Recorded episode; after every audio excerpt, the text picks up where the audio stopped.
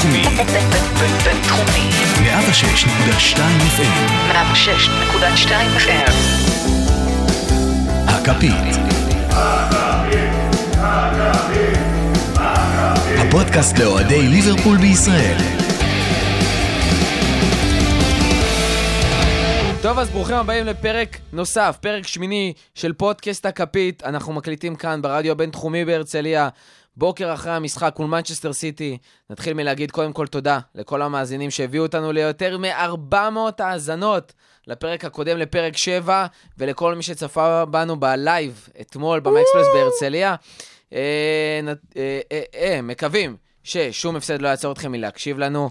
אני אראל מורחובסקי, ואיתי שוב, רותם וסער, מקווים שהקול שלנו לא שבור לגמרי מאתמול, אה, עם כל השירה שהייתה שם, ו- ועם כל הצרחות והבלגנים.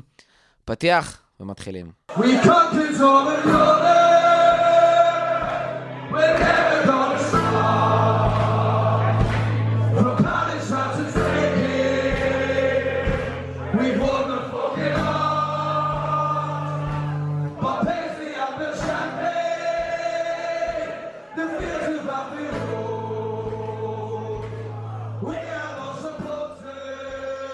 טוב, אז יאללה, אה, פרק 8, פודקאסט הכפית. יש לי שני דברים, אני חייב להתחיל את הפרק הזה ככה. אה, קודם כל, רותם וסער, מה, מה הולך? מה מצבנו? נאחס, בואנה אתמול, פעם ראשונה מאז שיש לי סמארטפון בבעלותי, הצלחתי לשבור את המסך. אוי ויי. זה סתם, האמת שזה לא המסך, זה המגן מסך, אפילו זה פעם ראשונה. וכמובן מה שקרה אחר כך. סער, מה הולך? אה, בסדר, בסדר, אחרי אתמול אה, התאוששות קלה, אבל אנחנו חיים את הרגע.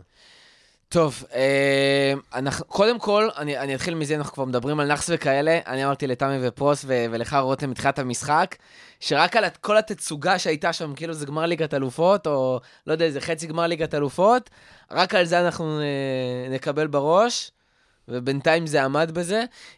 אבל אני רוצה שנתחיל את הפרק הזה מלהיפטר משני פילים שנמצאים פה בחדר. קודם כל, המשחק שכל כך לא נראה לי מעניין את אף אחד, המשחק גביע מול וולפס, אה, המשחק הבא שלנו בכל המסגרות. משחק גביע, בגביע אחד עפנו, נשארנו עוד גביע אחד. קיבלנו בסיבוב יחסית מוקדם קבוצה מאוד קשה, שלפני שנייה התמודדנו מולה, ועשתה לנו, גם ניצחנו, ניצחנו 2-0, עשתה לנו המון בעיות. אה, זה משחק שאנחנו צריכים לעלות כדי לנצח, כי אנחנו מתחרים בכל המסגרות, או שזה משחק שאנחנו צריכים עכשיו אה, לתת לצעירים לשחק, חצי-חצי. סער, מה אנחנו עושים אה, במשחק אה, גביע מול וולפס? כמו, כמו שדיברנו אתמול בלייב, אה, רגע לפני המשחק, חצי חצי מצידי, הרכב, כאילו, באמת לעלות עם... אה, וירג'ל חייב לנוח, לא יודע מי יהיה הפתרון עבורו, אבל מצידי שהוא לא ישחק. אה, כנ"ל רובו, אה, כמובן שגם השלישייה ההתקפית יכולה לנוח.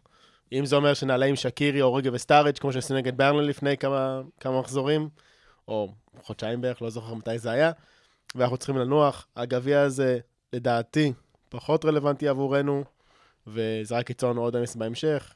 אם ננצח, מעולה.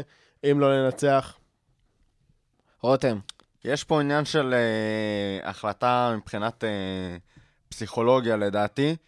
אה, הפסדנו עכשיו לסיטי, ההפסד הראשון שלנו העונה בליגה, ויהיה מאוד לא נעים להפסיד אה, עוד משחק עכשיו. גם אם זה גביע, והרבה יותר מעניין אותנו אה, הצ'מפיונס, ועוד יותר מעניינת אותנו הליגה.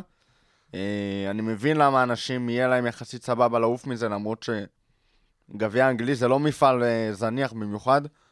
אבל uh, אנחנו מבינים את זה. מצד כמה, ש... כמה, מצד כמה שני, זה כן. שונה מהמשחקים שאלנו בליגת אלופות שהפסדנו? כמו עם נפולי ופסג'ה ו... והכוכב האדום, שגם, כאילו, באנו עם הפסדים, ואתה יודע, המשכנו. תראה, בסופו של דבר, התקופה כאילו הפחות טובה שלנו הייתה די ברצף. היה שם את התיקו עם uh, צ'לסי, את התיקו עם סיטי, ההפסד לפסג'ה, ההפסד לנפולי, לכוכב האדום, זה בא באיזשהו מקבץ. זה כאילו, זה כבר קרה לנו, וגם אז זה פחות או יותר התחיל את הסריה, המשחק נגד סיטי, אה, ואנחנו לא רוצים שזה יקרה שוב. יכול, זה תלוי כמה קלופ מאמין במנטליות של השחקנים. אם עכשיו הם הפסידו את המשחק, והם הם יהיו בסדר עם להפסיד גם נגד וולפס, ולבוא לברייטון כאילו לא קרה כלום ולהמשיך את הפורמה הנהדרת שלנו, או שהוא חושב שהם כן יצטרכו איזשהו עידוד מורלי בד- בדמות אה, התקדמות עוד שלב בגביע. אה, זה גם רלוונטי לאוהדים. זה, זה מבחינתי הדילמה. אה, אם עולים עם הרכב יותר חזק בשביל לנצח, נטו בשביל המשמעות הפסיכולוגית של זה, או שקלופ אומר, סבבה, הפסדתי, אבל אני עדיין ארבע הפרש, אין לי בעיה לשים את כל הביצים בסל של, אה, של הליגה, והשחקנים מודעים לזה, ונפסיד, ננצח, יהיה מה שיהיה. אני לא מסכן את אתה במקום קלופ, השחקנים המפתח. אליסון עולה, ונדייק עולה, מישהו מהשלישייה התקפית? אני חושב שמין עולה צריך לעלות בשער, אה, גם כי הוא לא שוער רע, וגם אם חלילה יקרה משהו לאליסון במהלך העונה, אנחנו צריכים שוער שטיפה שיחק, אה, אפילו אם זה משחק גביע פה ושם. מבחינת הגנה, ונדייק צריך לנוח. די, חייב אפשר- לנוח. חייב לנוח, אי אפשר אה, לשתף אותו כל המשחקים העונה. בטח עכשיו שאנחנו עדיין קצרים בסגל מבחינת הבלמים, לאבד אותו בגלל משחק גביע, אני חושב אנשים אה, יתחרפנו לחלוטין אם זה יקרה. רובו חייב לנוח, שמורנו ישחק, שקצת אה, בכה לאחרונה על אה, היחס של קלופ אליו, הוא טען ש... כן. זה- שאחרי הפציעה שלו הוא רוצה לקבל עוד פעם הזדמנות, פשוט לא מבין. כנראה שהוא שבע רמות מתחת לרוברטסון, אבל אה, שמורנו ישחק, שקליין ישחק, אה, בלמים, לוברן ומישהו מהנוער. או פיליפס, או מצידי פביניו גם יכול לתפקד כבלם נראה לי. כאילו, פבינו נראה לי גם צריך עוד איזשהו משחק כזה. אבל גם נצטרך אותו כנראה. בקישור נראה לי, כן, אבל... ושחקנים אה, כמו ג'יני, ג'יני צריך לנוח. אבל פבינו לא שיחק אה, יותר מדי אה, במשחק נגד סיטי. אה, הוא לא היה לו את העומס בתחילת העונה, כי הוא לא שיחק, הוא יכול לשחק גם אה, 40 דקות נגד סיטי, גם נגד אולף וגם אחר כך נגד ברייטון, הוא יעמוד בזה. אה, מילנר אולי יראה קצת דקות משחק בשביל לחזור לכושר משחק ב- שראינו שקצת חסר לו. אה, מבחינת התקפה, שמע, קשה לי לראות את קלופ מספסל את כל השלישייה הקדמית, ושם במקומם את אה, סטאריג' אוריגי ו... ושקירי, אבל גם הם, ראינו את זה, ב...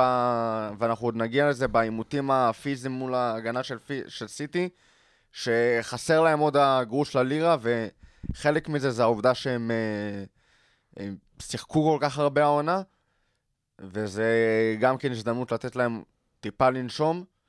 אבל אז אנחנו כבר מדברים שוב על הרכב של אה, מיניולה, מורנו, בלם מהנוער, לוברן, קליין, אה, גם כן קישור ללאנה, אה, מילנר, מקדימה סטאריג' אוריגי ושקירי.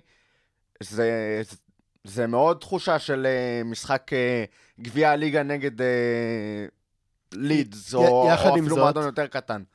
אה, כמה שכונה אתה יכול לעשות, מצד שני, לא דיברנו על שום שחק... כאילו כל השחקנים, רוצים לתת להם מנוחה, יש פה איזשהו אתגר כזה שקלופ יצטרך לנהל. יחד עם זאת, זה עדיין, אם אם היינו לוקחים את ההרכב שאמרת עכשיו, וחוזרים איזה שלוש שנות אחורה, אנחנו רואים, וואלה, זה אחלה הרכב שבעולם, הרכב ראשון, כיף, כן? אז אה, נכון, זה, לא, זה הרכב שני שהוא לא רע בכלל, נעלה איתו, וכן אפשר לנצח איתו. אה, אנחנו משחקים באנפילד, לא, זה הרכב שעדיין עונה, עולה על אולפס, אגב, אנחנו משחקים בחוץ, לא באנפילד. אה, זה משחק חוץ בגביע, ואנחנו רואים אבל ש...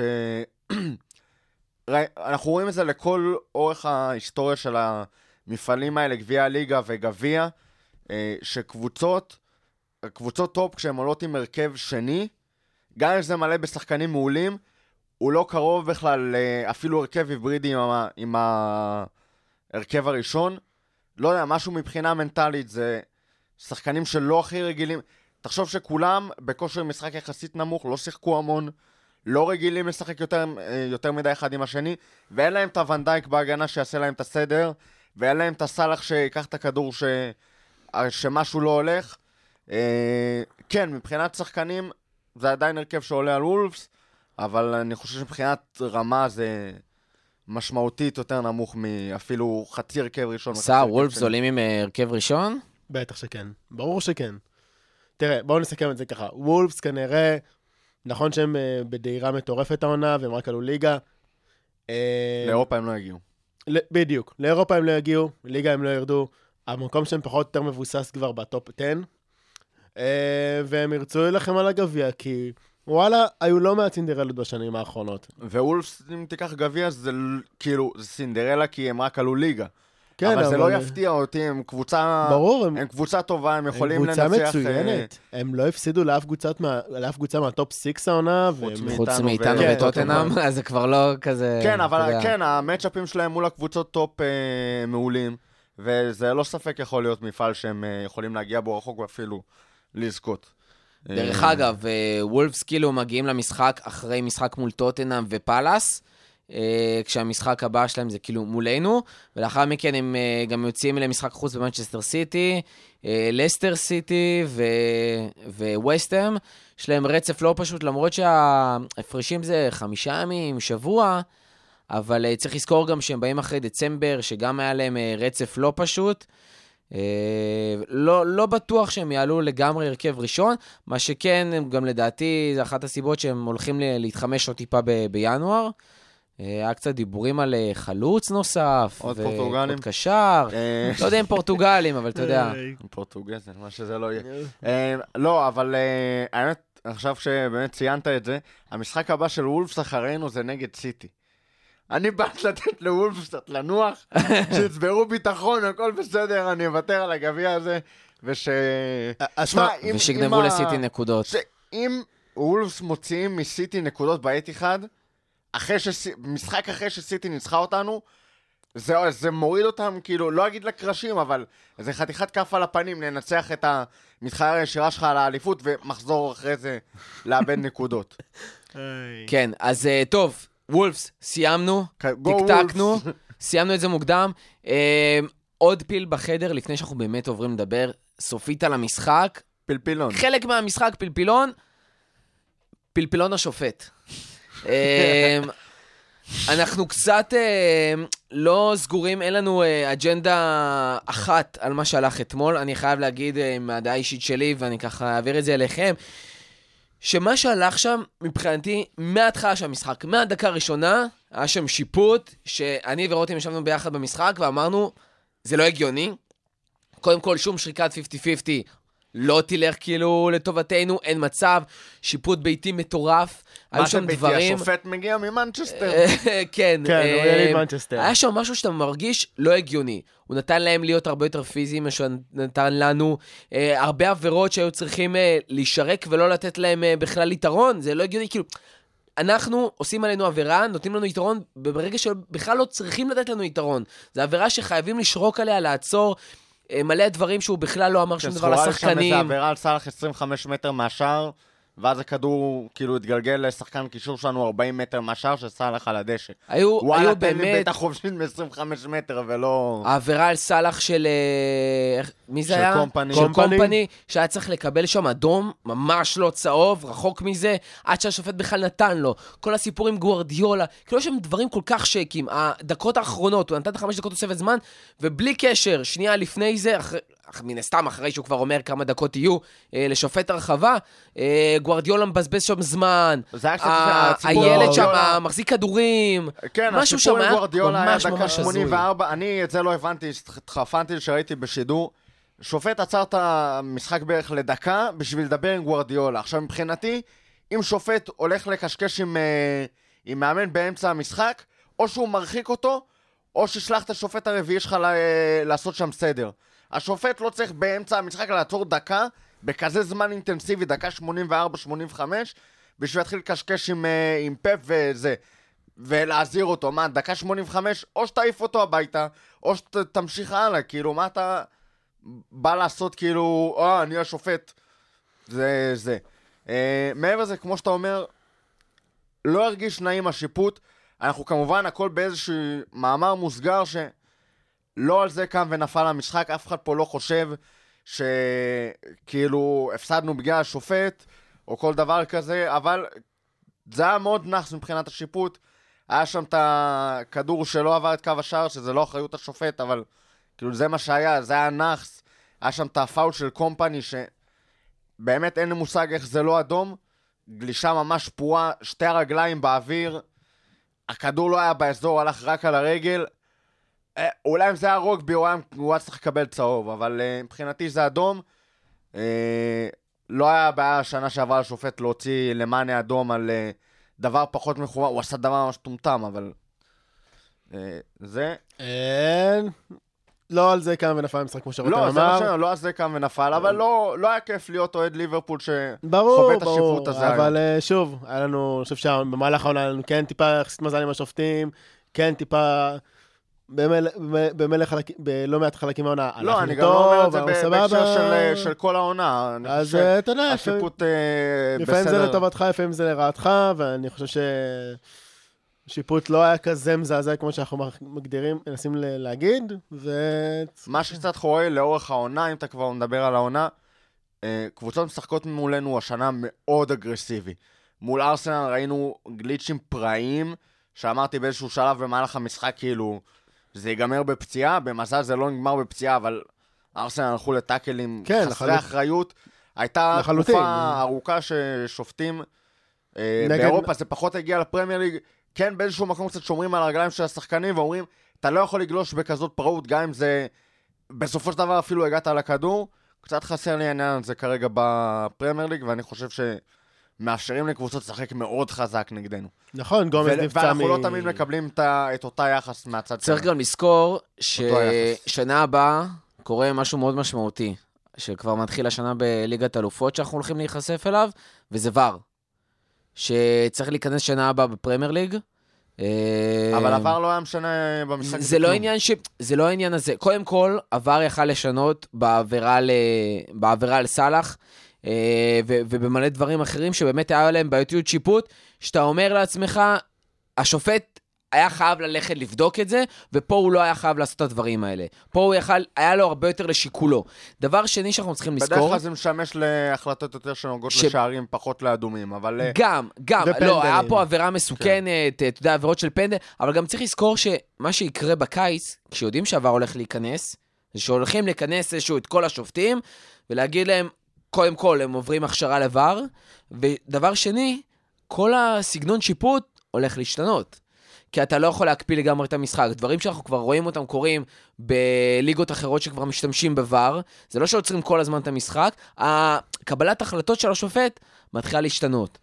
ואני גם- מקווה גם אגב המשחק מאוד... עצמו משתנה קצת. אה, ראינו את זה בליגה האיטלקית, כשנכנס לשם עבר, עונה ראשונה היו מלא פנדלים, כי שחקנים רגילים ש... וואלה, יש מצב שיהיה איזה קטנה ברחבה, השופט לא יראה, הם לוקחים את זה כחלק מהריסק של אה, שחקני הגנה, היינו רואים את לוברן אה, וסקרטל שנים תופס... אה, חולצות חולצה. תופס בקרנות, חולצות כן, בקרנות. זה... אה, היה מקבל כאילו 11 פנדלים בעונה עם ור, אה, אז הסגנון הגנה הזה קצת אה, השתנה. אגב, מאז שנכנס עבר, אני לא יודע להגיד את זה סטטיסטית, אבל זה משהו עולה לי קצת בתור צופה מהצד. הכמויות שערים בליגה האיטלקית עלו משמעותית, זה כאילו ההרגשה שלי לפחות.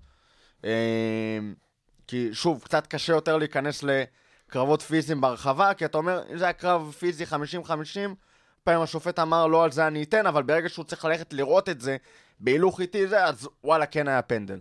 אה, זה גם נכון. משהו שיקרה, אבל בסדר, זה עוד רחוק מאיתנו, ונראה לי שהגיע טוב, הזמן... אה, אנחנו כבר כמעט 20 דקות לתוך הפרק. בואו עכשיו באמת, אחרי שכבר הורדנו את העניין עם וולפס, והורדנו את העניין עם השיפוט, בואו נדבר תכלס על המשחק, מה שקרה בשטח. אנחנו ניכנס לכמה וכמה דברים לעומק, יש לנו המון מה להגיד, אבל אני רוצה שנתחיל. שכל אחד יביא ככה איזה באמת, קודם כל, דבר, שניים טובים, שאנחנו יכולים לקחת מהמשחק הזה, מה- מנקודת המבט של ליברפול. ארבע הפרש. ארבע הפרש. אם מישהו היה. אומר לי, הדבר הראשון, אם מישהו היה אומר לי בתחילת העונה, שמע, מחזור 20, אחרי אה, שני מפגשים נגד סיטי, אם היה אומר לך את זה, או שאתה מצטט את קלופ, את מה שהוא אמר אתמול אחרי המשחק? האמת שלא שמעתי, לא הספקתי לשמוע, חזרתי באיזה אחת וחצי בלילה מה- מהמייקס פלייס, רק הגעתי הביתה, ו... התרסקנו. והיום כן, קמתי ממש מוקדם בשביל להגיע פה בזמן לפרק, בניגוד לאנשים אחרים שאיחרו קצת. סער. אה, פעם אחרונה, רותם. ב- בקיצור, אם מישהו היה אומר בתחילת העונה, אחרי 20 מחזורים, שני מפגשים נגד סיטי, אתה מוביל בארבע הפרש, הייתי חותם על זה בעיניים עצומות, וגם אם היו קושרים לי את הידיים, הייתי תופס את העיפרון עם הפה וחותם איתו. כאילו, אנחנו במצב מעולה, סב... נכון, זה כואב שזה יכול להיות 10, וזה כואב שזה גם יכול להיות 7, אבל ארבע הפרש על סיטי זה יופי של מצב. אני אמשיך קצת עם הנקודה השנייה שהיא גם נוגעת לנושא הזה. אם מסתכלים על שני הסיבובים, אנחנו לפחות מהצד שלנו, אחרי שני, שני משחקים סיטי וארסנל, סיבוב ראשון הוצאנו שתי נקודות, הסיבוב הזה הוצאנו שלוש. אה, נכון, השלוש הזה גם אומר שסיטי הוציאו שתי נקודות יותר ממה שהם הוציאו מאיתנו סיבוב קודם, אבל ב... אם משווים את זה מהבחינה הזאת, אנחנו עקרונית במצב יותר טוב מה... מהמחזור הראשון, ובסופו של דבר, כשאתה מוביל בארבע הפרש, זה רק בידיים שלך, כבר לא יהיה לך את המפגש נגד סיטי בחוץ, הוא לא ירחף לך באוויר ב... בסביבות אפריל, שכל העונה כאילו נבנית לקראת זה. אנחנו עכשיו באמת נכנסים ל... לחלק, לחלק הכאילו עיקרי של העונה. עכשיו זה באמת ה... המרוץ, בהתחלה, בחצי הראשון אתה משפר עמדות ודברים כאלה, עכשיו זה המרוץ האמיתי, אה, ואנחנו נכנסים אליו במצב מעולה, עם לוח משחקים, לדעתי, גם כן מעולה. אה, אנחנו עוד נגיע לזה. מאוד מסכים עם רותם, ברור. אה, הוא מדבר טיפה על הפוסט משחק, כאילו על מה שקורה אחרי זה, המצב בליגה, המחזורים וזה. אני רוצה טיפה לדבר על המשחק עצמו. יאללה, בוא נדבר על קודם כל, המשחק. בואו, שיחקנו נגד הקבוצה כמעט הכי טובה בעולם, כאילו, אי אפשר באמת להגיד כרגע מי הקבוצה הכי טובה בעולם. זה כרגע עומד בינינו, לבינם לבין יובנטוס, ואולי, וגם ברצלונה. אבל עזוב, עזוב בוא זה, בוא זה לא לא משנה. נשווה את זה לא היחס משנה לליגות אחרות. זה לא כן. משנה עכשיו. סיטי קבוצה אדירה, סיטי קבוצה מצוינת עם מאמן מדהים, והצלחנו באמת על חוט השערה, כאילו, כמעט לנצח, לעשות איתם את השוויון. זה באמת היה עניין של מזל. אה, אתם יודעים, הגול של מאנה שכמעט נכנס, ורבע שנייה אחרי זה הכדור, הכדור שלו עבר בכמה? 20 מילימטר? אתה... 11 מילימטר. 11 מילימטר, אוי ואבוי. ואני חושב שזה באמת מה שפגע, זה לא מה שפגע בנו, אבל זה כן נראה שאנחנו היינו, עמדנו איתם ראש בראש, מה שלא היה, אי אפשר לשפוט את זה בשיט לעונה שעברה, שחטפנו שם את החמישייה ההיא. אמ, ועוד דבר טוב מהמשחק, אה, רוב השחקנים באמת שיחקו כמו שצריך. אה, אם זה אליסון וההצלות שלו, ונדייק שהיה מדהים, אה, רוברטסון שכמעט ונטרל את סטרן כמעט בכל פעם. Um, הקישור היה לא רע בכלל, וסך הכל, יכול עם כל המחמאות לקבוצה הזאת. Uh, קלופ באמת העמיד את הקבוצה כמו שצריך, ואני יוצא, יחד עם ההפסד הזה, יוצא בראש מורם. אני אתעכב איתך שנייה על הנקודה הראשונה שלך, שהיא גם כן מאוד קריטית בשבילי. זה שלא יצאנו עם 5-0 נגד סיטי כמו פעם קודמת. דיברנו בפרק הקודם על המעטה הזה של השריון, שקבוצת פרמייר ליג אחרת מגיעה מולך, ומה היא רואה מולה. בסופו של דבר, אמנם הפסדנו, זה ההפסד הראשון שלנו העונה, אבל גם קבוצות פרמייר ליג אחרות, ומאמן עכשיו שבא לשחק נגדנו, מסתכל על המשחק של סיטי מולנו, הוא לא מוצא שם את הפתרון איך להתמודד איתנו.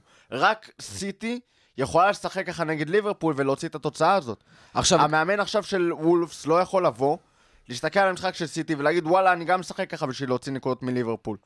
ראינו קבוצה מדהימה שצריכה לנצח אותנו. זה- לא מרגיש לי כמו משחק שחשף איזה שהם חולשות אדירות שלנו, או נתן איזושהי השראה לקבוצות ליגה אחרות שהן יכולות אה, ככה בקלות אה, לנפנף אותנו. ואם כבר מפסידים, אז אה, להפסיד ככה. עכשיו גם חשוב להבין, שני דברים שאני רוצה להעלות אותם. ולפני שאני אומר את החלקים החיוביים. אחד, צריך לזכור שליברפול הגיע למשחק הזה באופן, לא יודע איך אנשים ציפו, או איך אנשים חשבו שזה יקרה לפני חצי שנה, או אפילו שלשום. ליברפול הגיע למשחק הזה בתור הפייבוריטית. למה? לא בגלל המקום בטבלה, אולי גם, אבל בגלל איך שהמשחק היה נראה ב- בסופו של דבר על הדשא. סיטי לא באו כפייבוריטים. הם לא באו לשלוט בכדור, הם לא באו להכתיב את הקצב, הם באו לנטרל את ליברפול. וזה לא משהו שקבוצת טופ עושה. זה לא משהו שבדרך כלל אלופה עושה, זה לא משהו שקבוצה שהיא פייבוריטית עושה, זה קבוצה שמבינה שעומדת מולה חיה רעה, והיא צריכה למצוא את הדרך לנצח אותה. דיברתי על זה עם סער קודם, זה מזכיר לי מאוד את מה שהיה לנו מול פסז'ה בליגת האלופות. פסז'ה, אחרי שהפסידה לנו 3-2, הבינה מול מה היא מתמודדת, ואצלה בבית, הבינה שגם בבית היא לא יכולה להכתיב את המשחק, היא חייבת לבוא ב-200 אחוז, היא חייבת לבוא ולנטרל אותנו, ולעשות את כל מה שצריך, וזה מה שסיטי עשתה אתמול, את כל מה שצריך כדי לנצח את ליברפול, וראית אותה חוגגת אחרי המשחק, כשפסג'ה ניצחו, ואתה אומר, רואים עליהם כמה היה להם חשוב לנצח, וכמה הם ציפו שיהיה להם קשה לנצח. והם גם ניצחו 2-1, דרך אגב, אותה תוצאה, ועדיין, שוב, בשיניים. כן, אבל אני, אני לא מסכים איתך על מה שהגענו כפייבוריטים. אני כן מסכים איתך שיש במנצ'סטר סיטי כבוד מטורף אלינו, ו... ופפ לא חושב שזה יהיה משחק קל, ואני בטוח שמבחינתו זה המשחק הכי קשה של העונה. וזה משהו ששנים מבחינת- לא היה פה. נכון. זה מה שאנחנו לא זוכרים. אבל מבחינתי, לפחות לפי איך שאני רואה אה, את הגישה של סיטי ושל פפ למשחק הזה, הוא דווקא כן בא בקטע של, טוב, יהיו פה איזה שלושה ארבעה מצבים לכל קבוצה, ואני מאמין שסאנה שטרלינג ואגוארו אה, ינצלו את השלושה מצבים האלה יותר טוב ממאנה סאלח ופירמינו. זה מבחינתי לפחות, כי הוא לא בא ואמר, טוב, אני צריך להראות פה איזושהי עליונות מטורפת, לה- להמר על כל הקופה שאני אתן את משחק חיי, ורק ככה אני אנצח, אלא הוא אמר, אני אלך ראש בראש, אני אנטרל אותו, הוא ינטרל אותי, אין בעיה, אה, ואני סומך על זה שבסופו של דבר השחקנים שלי יעשו את העבודה קצת יותר טוב משל ליברפול, ווואלה, עבד לו. ועוד נקודה שחשוב לי להגיד אותה, ובהמשך למה שאמרתי, זה שצריך לזכור שפה מתחיל האתגר האמיתי. כי משחק כמו סיטי, והמשחקים הקרובים שיהיו לנו, פחות ליגת אלופות, יותר להתמג... עם התמקדות בליגה, צריך לזכור, ליברפול לא יודעת מה זה להוביל את הליגה. זה השחקנים של. ליברפול לא יודעים מה זה להוביל את הליגה. אף אחד מהם לא היה שחקן טוב בליגה. אף אחד מהם, תמצאו, יש שחקן אחד שלקח אליפות באנגליה או בליגות. ה-top five. מילנר מילנר לקח. מילנר. מזמן, וזה אליסון לא היה מה... בברזיל, ולא יודע. אליסון לא לקח אה, באיטליה. לא, בברזיל אני אומר אולי. לא, אז אני אומר, זה לא אותו דבר. כן. צריך לזכור שיש פה עניין של ניסיון. המשחק, כשאתה משחק, כשאתה מוביל את הליגה, כשמבינים שאתה הקבוצה הכי טובה באנגליה, ולא בקטע של התיימרות, אלא בקטע של להבין שזו טקטיקה שונה לגמרי, זה קשה. זה קשה, ואתה רואה את הנתונים מול סיטי. ברמת הפוסשן, סיימנו בסוף המשחק, בשקלול של הכל, בהבדלים של 51 על 49, ב- ברמה כזאת שאלנו את היתרון של ה-2% האלה. הבעיטות לשער, היה להם יותר בעיטות, לנו היה אחת... היה להם בעיטה אחת יותר או שתיים יותר לשער, לנו היה אחת יותר למסגרת. כאילו, הכל היה מאוד צמוד, ועל מה בסוף הכל נפל? על דיוק. גם ה-XG היה בורחו. לטובתנו, ממש. תקשיב, השערים, XG, צריך, אחד אני, נקודה- לא, אני חייב, עכשיו, עכשיו זה הזמן. השערים של סאנה, למי שעוד לא הבין, השערים של סאנה ושל הגוארו, היו שערים שב-90% מהמצבים האלה לא נכנסים. הגוארו נתן שער, אנשים לא מבינים כמה הוא מדהים. קודם כל, פצצה ממטר וחצי, בוא- בוא נדבר על אליסון השער לא משנה הגוארו. איפה הוא בוא, יעמוד, אוקיי. זה לא נכנס. בוא, כן, בוא, בוא נפנה את הקטע הזה, אליסון, אין לו שום אחריות בשער הזה, אנשים אמרו לי, מה, השוער צריך לקחת את הפינה קרובה, פינה קרובה. פצצה משתי מטר, איך הוא בוא, יעצור כשאתה רואה את את זה? זה ב- בסלומו של אה, 360 פריימים לשנייה, אז זה נראה לך כאילו יש לך שעתיים להרים את היד. לא היה שם סיכוי לאליסון. אולי אחת ממאה פעמים הוא היה איכשהו מצליח לשחרר את היד עוד לפני הבעיטה של הגוארו, אבל די, זה ממש לא. לא על אליסון, ומי שאומר שזה על אליסון לא, לא, לא העצירה, ראה. הגוארו עוצר מטר מהשער ב- ב- במצב שאתה, אתה יודע, מישהו עוד שנייה מעיף אותו, הוא לא מצליח. עוצר עם רגל ימין, מעביר לרגל שמאל, כשבכלל צד ימין שלו זה הצד הקרוב לשער, מסובב את עצמו איזה 270 מעלות פיזיולוגית. אני אומר לכם, את זה תנסו בבית. אני רוצה לראות אתכם עכשיו עושים את הסיבוב שהגוארו עושה. לא מצליחים, זה קשה עוד לפוצץ את השער, וגם מה בשמאל. שרותם אמר, עם שמאל, עם ומה הרגל שרותם אמר, שלו. אי אפשר לשמור את הפינה הזאת. אליסון לא היה צריך לשמור, כי היה עוד חמישה שחקנים של מנצ'סטר סיטי ברחבה, שכל אחד מהם מקבל את הכדור, משחיל אותו לתוך השער. זה גם לא משנה, זה אין לא מה משנה. לעשות. זה כדור ממטר אבל- וחצי, שתי מטר, זה פצצה אבל לחיבורים. ה- הסיבוב המאוד מרשים הזה של הגוארו, אה, אם נלך רגע למשחק נגד נפולי, השער של סאלח נעשה על קוליבאלי. קוליבאלי היה דבוק לו לחולצה, סאלח הרגיש את הזיעה שלו מטפטפת, של קוליבאלי מטפטפת עליו, ועדיין הצליח להסתובב עליו. בשער הזה של הגוארו, לוברן פשוט לא ראה אותו, וכמה שמרשים היה הסיבוב, לוברן לא נדבק אליו, כמו שהוא היה אמור להידבק אליו, והמהלך הזה של סיטי, שהם שולחים שחקן לרוץ ליד הקו של השער ולשלוח כדור פנימה לכיוון מרכז הרחבה, או לכיוון הרחבה משחקן כמו הגוארו שמצטרף, זה מה שקורה לפחות פעם במשחק, כל משחק. ולוברן, שידע שהגוארו מאחוריו, והוא צריך לקחת את הגוארו, לא ראה אותו מתגנב, עוקף אותו, וגם כשהוא קיבל את הכדור, לוברן לא היה מספיק מהיר בשביל לתת עוד חמישה סנטימטר ולהידבק אליו ולהכניס אותו ליותר לחץ ולהקשות עליו עוד יותר את הסיבוב הזה. מסקנה, אי אפשר היה למנוע את השער הראשון של סיטי, הוא היה להם... היה אפשר, לדעתי, לדעתי לא, ביצוע לא. יותר טוב שלו, אם זה היה ונדייק במקום לוברן, לא, לדעתי השער, זה- השער הזה לא קורה. לא בגלל הבעיטה של הגוארו. ברגע שהכדור כבר, שהגוארו כבר עשה את הסיבוב, שחרר את הבעיטה, לא היה איפה למנוע את זה. אני חושב שכן היה אפשר להעמיד אותו במצב פחות נוח כשהוא קיבל את הכדור, ושהיה אפשר להקשות עליו את הסיבוב הזה עוד יותר.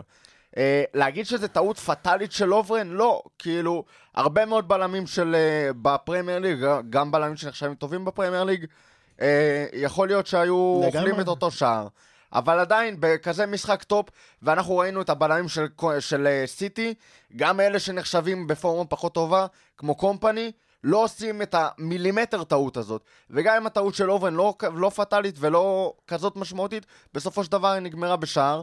וזה משחק עונה, אני כאילו, שחקן במשחק עונה לא, לא יכול להגיד, אה, רוב הבלמים בפרמייר ליג אה, גם היו אוכלים את זה. לא, במשחק עונה, אתה צריך להיות הבלם בפרמייר ליג שלא מקבל את הסיבוב הזה עליך. וכאילו, סבבה, לוברן בלם רביעי, אני גם לא אומר ש... אנחנו עכשיו באיזה קטסטרופה בהגנה, כי זה קרה. לוברן בלם רביעי, והוא בלם רביעי לגיטימי לחלוטין. שני בלמים פצועים, גומז פצוע, מתי פצוע. אה, גם צריך לזכור שבסופו של דבר, זה הבלם אולי מכולם הכי איטי שלנו. והיה צריך להתמודד עם אה, אגוארו, מי שראה במשחק, אני ממליץ לכם גם לחזור ולראות את זה, לפחות ב highlights, תראו שוונדייק, כאילו, קלופ אמר לו, אתה לא זז מהרחבה. כשיש משחק התקפה של סיטי, אתה לא זז מהרחבה, כל כדור שעף לתוך הרחבה, אם זה בדשא או אם זה באוויר, אתה מעיף אותו, ולוברן עושה את הסיבובים מסביב, ולנסות אה, להעיף משם את אגוארו, וסאנה, וכל מי שרוצה להתקרב, זהו. אבל לוברן לא יכל לעמוד בקצב בכלל. זה, אם, אם משהו שבאמת חרה לי במשחק של אורן, כן, הוא גם שבר את הקו נבדל בשער של סיטי, כשהוא אפשר לשטרלינג לקבל שם כדור לא בנבדל, וכשאתה שומר עם קו הגנה גבוה כמו שהיה באותה נקודת זמן, אה, אתה לא יכול להרשות לעצמך לשבור נבדל ככה. אה, בטח שראינו שזאת השיטת הגנה פחות או יותר הכי יעילה שלנו העונה, את הכמות פסיכית של נבדלים. אה, אבל לא על שתי הטעויות האלה עצבן אותי המשחק של לוברן. היו לו שלוש, ארבע, חמש מסירות מאוד מסוכנות שהוא חילק לסיטי. הוא...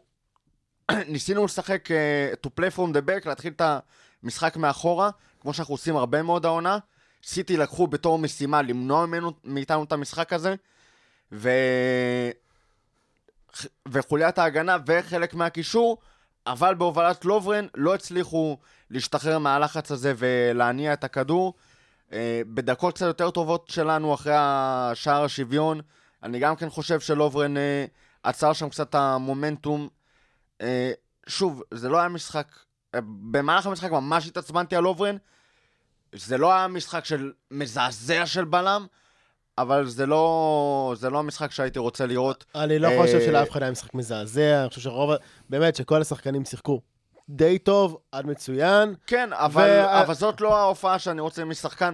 ועוד אחרי כל הקשקשת שלו, בכל מדיה אפשרית, על כמה הוא זה, מדהים זה אולי וכמה הדבר זה... כן. הכי מעצבן. שאתה, כאילו, אם אתה מדבר, if you talk it, walk it. כאילו, אתה כבר אומר, אז תיתן את ההופעה, כאילו, back it up. ולוברן לא יצטרך לעשות את זה. ואני חושב שאפרופו, אנחנו מדברים תמיד על דיבורי נאחס וכאלה, כל, מה שמע... כל מי שמאזין, אני בטוח שכבר מכיר את זה. כל הקטע עם נאחס, זה כשאתה מדבר וקורה משהו שלא, שלא רצית, קורה בדיוק ההפך. וזה בדיוק העניין. שלפעמים עדיף לסתום את הפה כשאתה, כשאתה לא בטוח שאתה יכול אה, לתת את זה. זה לא עניין שאתה עושה מזל רע, אבל זה עניין שיודעים לתפוס אותך אחרי זה, וזה מה שקורה עכשיו עם לוברן. כן, גם... כולם יפלו עליו בגלל שהוא אמר, אנחנו יכולים להיות ה... אלה שלא מפסידים כל העונה.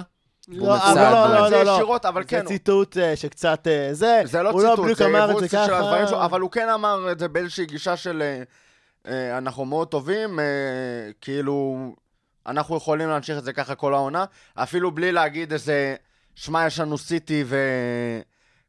הוא מאוד בטוח בעצמו, והוא לא מגבה את זה כמו שהוא אמור לגבות את זה, ומבחינתי, לסיכום של המשחק של לוברן, היו פחות או יותר 20 שחקני טופ על המ...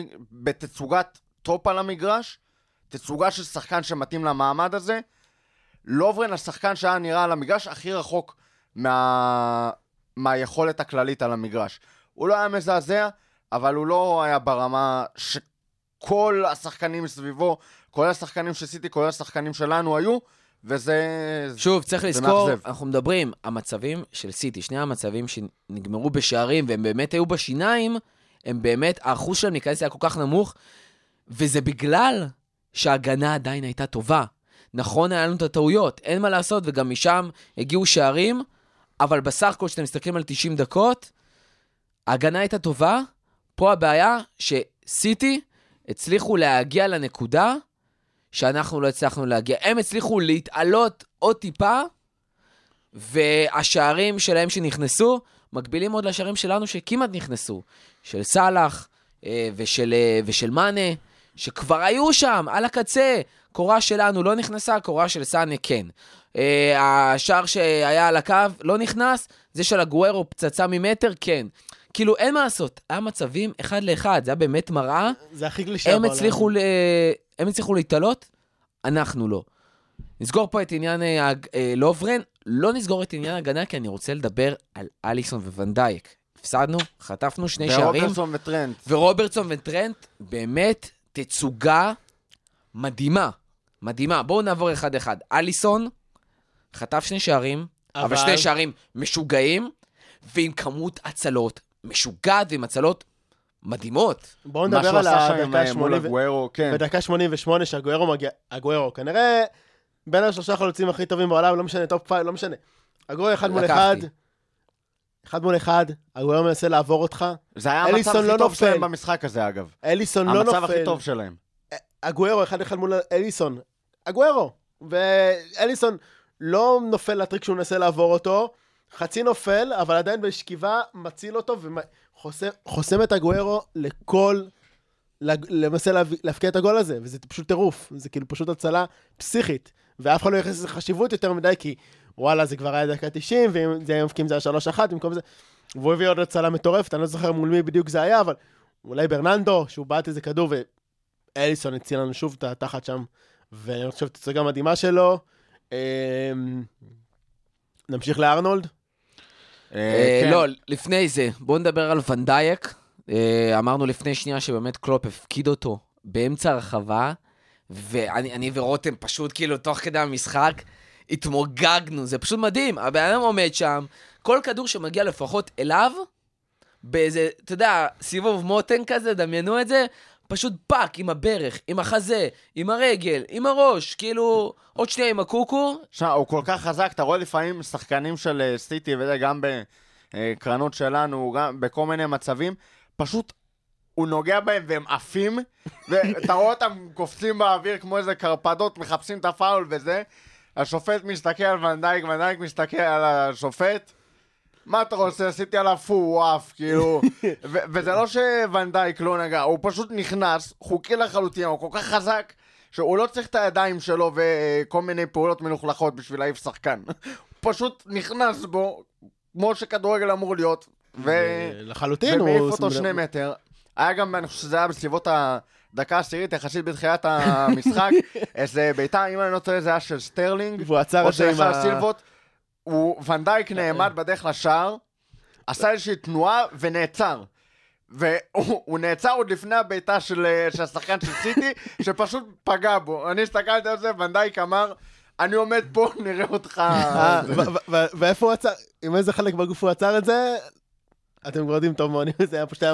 איך הוא הצליח לעשות את זה היה מדהים. תצוגה קריאת- מדהימה. יש לו אה, קריאת משחק, יש לו מהירות, יש לו טכניקה, טכניקה ל- לבלם כזה. זה בלם על, מטורף, זה, זה מטורף. פשוט... הוא יודע, הוא יודע מתי כאילו להרחיק את הכדור, הוא יודע מתי להעיף אותו לקרן, גם אם זה נראה החלטה כביכול הפחות טובה, ולא לא לעצור את הכדור או להחזיר שוער, אלא הוא יודע, טוב, בסדר, אני אעיף את הכדור לקרן וזה יהיה שווה את זה. הוא יודע מתי להרחיק, הוא יודע מתי להעיף, הוא יודע מתי גם למסור. עם הלחץ המטורף שסיטי לנהל. עשו על, ה... על חוליית העגלה ש... ההגנה שלנו, הוא... העגלה לא שלנו... ברן, העגלה שלנו. העגלה על שלנו, חוליית. ההגנה שלנו, אה, אה, לא ראיתי אותו מאבד איזה כדור כזה, כמו שלוברן עשה, שאתה אומר, אוי, לא, כאילו. אין, שום דבר, 90 דקות. אני תכף נבדוק כמה הוא נגע בכדור, אבל הוא נגע בו לא עם מעט. עשר דקות אחרונות בתור חלוץ גם. כן, אני... קיבל דקה- נראה לי פתק, כמו במשחק עם עם נבחרת הולנד, שקומן העביר לו פתק אה, עם מערך חדש שהוא חלוץ. שמע, מבחינתי במקום אה, להכניס את, סטאריג' הייתי מעלה את ונדייק חלוץ ומכניס, אה, לא יודע, את פביניו שייכנס בלם. אה, אה, אנדו נראה לי גם עשה את זה. אה, סער, טרנט ורוברטסון, בתצו... עזוב שהשער שלם שהיה כאילו טרנט את רוברטסון, כן, לחלוטין. ואני גם אומר לרוטן תוך כדי המשחק, תראה, הם פשוט משחק שלם עם בעליהם, יכולים, הם כל כך טובים בלהתמסר, ובתנועה שלהם, שהם יכולים להתמסר מצד ימין לשמאל במשך 90 דקות, כאילו, ואף אחד לא יכול לעשות עם זה כלום. טרנט, אני חייב לדבר על הגול הזה, חותך, בא למסור עם ימין, מנפנף את השחקן, חותך לשמאל, מרים עם שמאל לרוברטסון, כש... אתה יודע, טרנט עם שמאל, מרים לרוברטסון, שמגיע לסף הרחבה כאילו מאנה, ומוסר לבובי, שעם אה, שער רחבה קלאסי שלו, איך התגעגעתי ל- ל- לפליי הזה. משחק מטורף, וזה כשעוד, כל זה, כשהם כמעט לא התקיפו במשחק הזה. נכון. זה- מה- זה הם כמעט חלק- לא עברו את החצי. זה זה חלק. מזה, המשחק היה מעולה הגנתית, אה, גם של רובו וגם של אה, אלכסנדר וגם של טרנט. היה מעולה הגנתית. אה, שלושה. שמע, טרנט, אלכסנדר, ארנולד כן, היו, שמע, משחק אה, מדהים. פפ העמיס שם על, אה, על רובו גם את... את סטרלינג, שסטרלינג וסאנה היו במשחק, שיחקו מדהים. על, סליחה, על טרנט הוא העמיס גם את.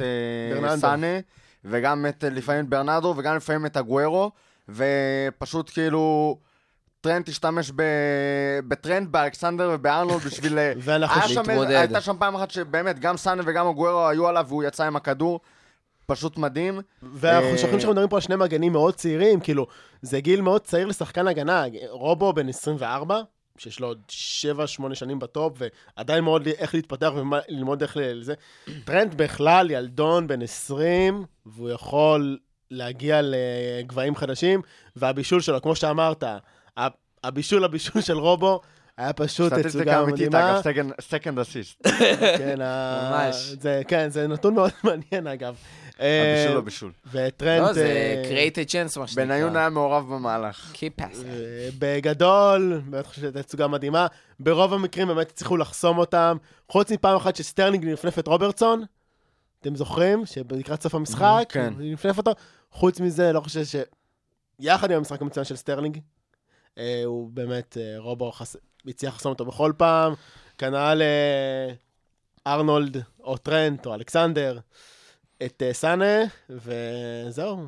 על לוברן לא נדבר נראה לי. מה, מה שאני חושב שהיה פה קצת משמעותי, וכמו שאמרתם, המשחק של המגנים היה מעולה הגנתית, ובפעם אחת שהם הצליחו לעשות פעולה התקפית באמת טובה, זה נגמר בשער. וזה אחד הדברים המרכזיים בעימותים בין uh, ליברפול לסיטי ובין uh, פפ לקלופ, זה מה קורה באגפים. לסיטי קבוע יש שני שחקני אגף מפחידים, ולנו יש את המגנים שלנו. ב... דיברנו על זה גם בפרק הקודם, במשחק בצ'מפיונס, העלייה של טרנט קדימה, אה, מאוד שיתקה את, אה, את סאנה גם בלי פעו- פעולות הגנתיות של טרנט, ונתן לנו רובד התקפי מאוד גדול. אני חושב שחלק מהסיבה שהקישור שלנו וגם ההתקפה קצת התקשו להתמודד עם מה שסיטי עשו, זה שלא הצלחנו לשלוח את המגנים קדימה כמו שהיינו רוצים.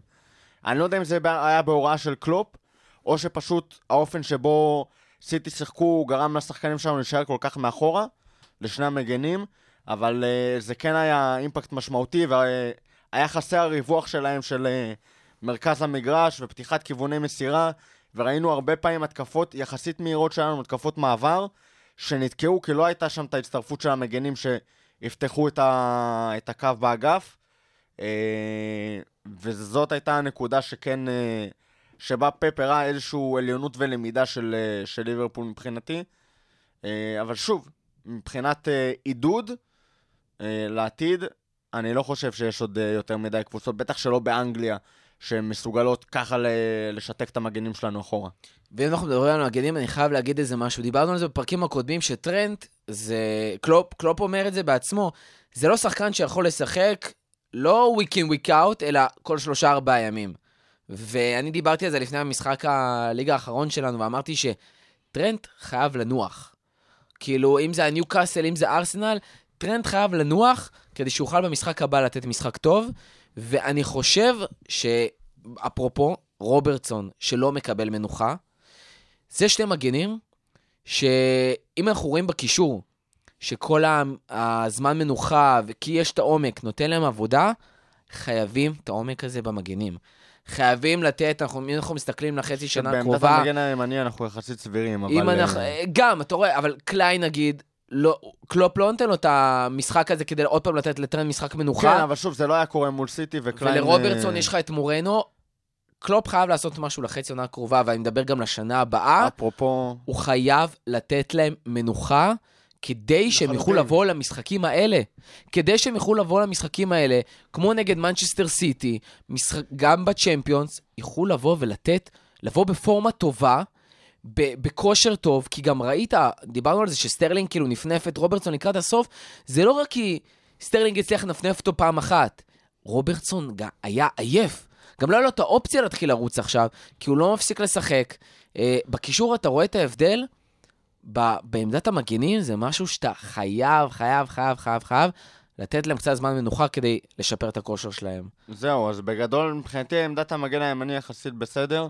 קליין, אני חושב שנראה אותו משחק עוד כמה פעמים העונה. אה, אבל מורנו בתור אה, מחליף לרוברטסון באמת מאוד בעייתי. אם אני חושב נגיד על המשחק הקרוב שאפשר לעשות בו רוטציה, שזה נגד וולפס, אז אה, לשים אותו באגף שפתאום דוהרתי מולו ו-3-5-2 כזה של, אה, של וולפס, מול שחקן שלא יודע לשמור שחקנים אישית ומאוד מ- מת, מתקשה כשמנסים לעבור אותו בדריבל, אז לשים אותו באגף מול קבוצה כמו וולפס, שזה חלק מאוד חזק שלה, וואלה, מדאיג. אה, אין אין לך ברירה, אה, אין לך זהו. ברירה אבל. אה, רוברטסון כן. חייב לקבל את הוא המנוחה חייב הזאת. לקבל את המנוחה, אבל שוב, זה עצם העובדה שמדאיג אותי לעלות עם, אה, מורנו מול וולפס, זה מראה שבאמת חסר לך שם משהו בעמדת המגן השמאלי, כי אתה מצפה שהמגן השמאלי המחליף שלך, תהיה, יהיה לך איזשהו ביטחון כשהוא יעלה מול קבוצה מול וולפס, זה לא, זה לא שאתה צריך עכשיו לשים את אה, מורנו נגד סיטי. אם מורנו היה צריך, אה, רוברטסון היה נפצע, או אשתו הייתה יולדת והוא לא היה מגיע, ו... והיינו צריכים אה, לשים את אה, מורנו שם באגף מול אה, שטרלינג, כאילו, הלב שלי בתחתונים. כן, זה לגמרי, לא. בכללי, מורנו, מכל הפעמים שיצא לי לראות אותו בתקופה האחרונה, הוא אפילו פחות טוב מפעם. המון ושוב, חורים, יש לו המון... יתרונות הת- אה, התקפים, שמע, אבל... אה, מורנו יכול אולי לעבוד באיזה סוג של טקטיקה מסוימת, אם אתה משחק איזה 3-5-2 כזה, אם אתה נותן לו איזה מישהו שיגבה אותו מאחורה, ועוד שחקן מקדימה ש... כן, אתה צריך להצמיד אליו את ונדייק, ופתאום... אבל אה, שוב, אתה, אתה לא רוצה להגיע למצב שזה. השחקן שאתה משחק איתו. כאילו, אתה רוצה אחד שקודם כל יכול לעשות הגנה, על הדרך גם יכול לעשות התקפה, שיש לו כושר, שיש לו ביטחון, וכרגע. למורנו גם, זה מרגיש כאילו גם את הרצון כבר אה, אין לו, כי קלופ אומר לו, תשמע אחי, אתה לא טוב מספיק, אין מה לעשות. אני גם לא מבין את התלונות שלו. אתה אומר כאילו, אני מאוכזב מקלופ מהרעיון שלו לאיזה עיתון בספרד או משהו. בוא נדבר על זה תכלס. כנראה שיש סיבה מסוימת שאתה לא פותח. כאילו, זה גם לא שאנחנו... מה אתה- זה סיבה? יש לך את רוברטסון, שבגללו אתה לא. פותח, אבל זה לא רק שהוא לא פותח, זה זה שהוא כאילו, הוא לא נותן לרוברטסון מנוחה מהפחד שמורנו יצטרך לשחק. נכון, ו- כאילו... בוא- וזה לא מצב שאתה רוצה להיות, שליברפול תהיה בו. אתה חייב שם את המגן הזה. אתה חייב את מישהו, אתה יודע, אפילו, אפרופו, אנחנו מדברים, יש לנו את קליין בימין, אתה רוצה את האחד שידע גם לעשות לך גם וגם, גם ימין וגם שמאל, כשאתה צריך. מה שכביכול דנילו עושה עכשיו בסיטי, שראית גם נכון. אפילו סיכן לך את השער, ואתה אומר, אם מורנו, על המצב של דנילו, שפתאום צריך לעשות ימין-שמאל, כי אה, שחקן אחד קיבל אדום, כי זה פצוע, אין מצב שהוא עושה את זה. ברור. הוא לא יכול. מי... מי- וגם נדבר על זה שאף אחד מהבלמים שלנו לא יכול לעבור להיות מגן שמאלי, כמו שיש את לפורט נגיד. נכון. אה, אין לנו את זה, אז כאילו... אז מה, אתה יכול להחזיר שוב את מילר להיות מגן שמאלי? אבל הנה, עכשיו גם אולי- מילנר לא יכל, בטח שהוא לא יכל להשלים אה, 60 דקות בקישור, ובטח אם היית שם אותו מגן שמאלי שעוד יותר צריך אה, את אבל- האינסטנסיביות, אבל אולי לא ביום שני נגד. וולפס, אתה כן יכול לשים את מילר ב- בתור מגן שמאלי, ובקישור אתה יכול טיפה לשחק שם שחקנים, אתה יודע, שיהוו פחות סיכון עבורך. כי ברגע שאתה שם מגן, ב- מילנר עדיין לדעתי סיכון- לא- לא בכושר משחק של אה, לשחק מגן. אה, לא, זה, לא- אתה יודע, אני מדבר באופן כללי. יחד עם, עם שחקן עם קישור, בקישור אתה יכול לקחת טיפה סיכונים, אתה יכול לתת אולי שחקן שקצת לא שיחק, אולי את קייטה שעדיין לא נכנס לכושר מלא, או שעדיין לא הבין את שיטת המשחק של קלופ. אבל בתור מגן, אתה חייב להיות בתוך זה, ולהיות בכושר משחק, ולהבין את הטקטיקה ואת המשמעות ושל מה שאומרים לך. ולצערי, מורנו, אם אני זוכר שבהתחלה התלהבנו ממנו, אתה זוכר את הגול שלו נגד טוטנאם בזמנו? נראה לי אה, עברה אה, תקופה. עברה היינו- תקופה. היינו באיזשהו מפגשון בברבן, זיכרונו לברכה, ואני זוכר את כולם צועקים, יש מגן שמאלי, יש מגן שמאלי, אחרי הרבה שנים ש... אפשר לא היה מגן שמאלי, ו- שמאלי. כאילו, עכשיו באמת לפחות לא יש מורה. עכשיו שמאלי. באמת יש, כן. מגן אז סתם שמאלי. אה, חשבנו שיש מגן שמאלי. אה, אני רוצה שנעבור שמאלי ונדבר. קצת על החילופים. על שקירי, פביניו וסטאריץ'. אני, אפשר לסכם את זה בזה ששקירי לא הגיע למשחק הזה, מה שבדרך כלל הוא כן מצליח, וזה כאילו, אני לא מצפה ממנו שכל משחק יעלה ויבקיע ויבשל וזה. קצת ביאס אותי כי כאילו, זה לא היה כמו שציפינו. פביניו, לעומת זאת, נתן תחושה יש פוס. שלדעתי היה צריך לפתוח. שר, מה אתה אומר? אה, בדיוק כמו שאתה אומר, פביניו הוכיח ב... כמו כל החודש האחרון שהוא בוס, שהוא יכול להיות הקשר האחורי שחיכינו לו כל כך הרבה עונות, כל כך הרבה שנים. כי מה, מה, מה שונה בו ממה שהיה לנו לפני זה? הוא, קודם כל הוא, הוא עצום, מבחינה פיזית הוא עצום, הוא גבוה, הוא חזק, והוא לא רק, אוקיי, קשר אחורי גרזן קלאסי כזה, הוא יודע למסור, הוא יודע לאזן את המשחק, הוא יודע להחזיק את הכדור, הוא יודע לשחרר את הכדור, אה, ומשהו שהרבה זמן לא היה לנו בתפקיד הזה, אני חושב שחוץ מכל השנים שאני אוהד, חוץ ממסצ'רנו אולי, כזה, לא יודע, זה מישהו באמת יכול לת... לתת את האימפקט הזה בתור קשר אחורי. מה עם לוקאס? ו- כפרה עליו, נותן עונה מצוינת בלאציו, לא? דש למאזין בני תבורי. אה, וזו בדיוק הנקודה שלפי דעתי הטעות היחידה של קלופ בהכנה למשחק הזה, זו הייתה הבחירה להרכיב את אה, מילנר על חשבונו של פביניו, שפביניו נתן אחלה משחקים לאחרונה, וגם אם זה היה שני, שהוא נתן בערך במשחקים האחרונים שני בישולים ושער, היית נותן לפתוח במקום מילנר. מילנר לא היה בכושר משחק, דקה 60 כבר היה צריך להעיף אותו, וזה מה שבדיוק היה חסר לנו. אז אני דווקא ממש לא מסכים איתכם בנושא הזה. אה, אני חושב שאומנם מילנר אה, לא נתן משחק מי יודע מה, ובאמת היה לו קשה להשתחרר מהלחץ במרכז הקישור, אבל מבחינתי, התוכנית משחק של אה, קלופ ואיך שהוא ראה את זה, זה שסיטי הולכים לפתוח מאוד חזק, מאוד אינטנסיבי, ואנחנו צריכים, אה, בניגוד למשחק אה, גומלין באתיחאד בצ'מפיונס, שהיה, אם השיפוט היה יותר טוב, אה, היה צריך להיות 2-0 לסיטי במחצית, אה, נגיד את האמת. קלופ לא רצה שזה יקרה ככה שוב, וששוב פעם נקבל שער מוקדם. ופבינו שחקן שמבחינתי לוקח לו עדיין אה, כמה דקות להיכנס ב-100% לקצב של המשחק. אני חושב שהוא עדיין לא מסוגל לה, להציג את אותה משמעת טקטית ואינטנסיביות שגם, שמילנר גם בכושר משחק קצת פחות טוב מסוגל להציג לפחות למשך אה, מחצית אחת. אנחנו לפחות מבחינה הגנתית מאוד אה, הכלנו ובלמנו את סיטי במחצית הראשונה, שהבעיטה הראשונה שלה לשער הייתה הגול של אה, אגוורו. אה, ופבינו מבחינתי אם הוא היה פותח, אה, זה קל להגיד שהנה הוא היה חסר, ואחרי שהוא נכנס אה, אז הוא היה מעולה, בגלל זה הוא היה חסר מההתחלה. לדעתי אם הוא היה עולה בהתחלה זה לא היה נראה טוב כמו שהוא עלה בדקה 50 ומשהו. אה, וזה זה לא נגמר טוב, אבל אני עדיין חושב שההחלטה של אה, קלופ לעלות שם עם מילנר הייתה נכונה, והיא עשתה את העבודה שלה במשך אה, 45 דקות למרות השער. אה, בדיוק כמו שפפ מבחינתי אמר שהלך באיזושהי גישה של אין לי בעיה ללכת ראש בראש ואני אנצח, אז גם קלופ בא בגישה של אה, אני לא אבוא לפרק, אני אבוא לנטרל, הם ינטרלו אותי ואני אנצח. אה, מהבחינת מנטליות הזאת, אה, למרות שהביצוע על המגרש היה שונה, סיטי לחצו לנו את ההגנה ומנעו מאיתנו לשחק מאחורה, ואנחנו דווקא נתנו לסיטי לשחק מאחורה ומנענו מהם את ההליכה דרך מרכז הקישור, שלא הלכה להם אגב, הם הצליחו רק כשהם הלכו חזק דרך האגפים, וממש ריווחו את המשחק ולקחו אותו ל- חזק לכנפיים.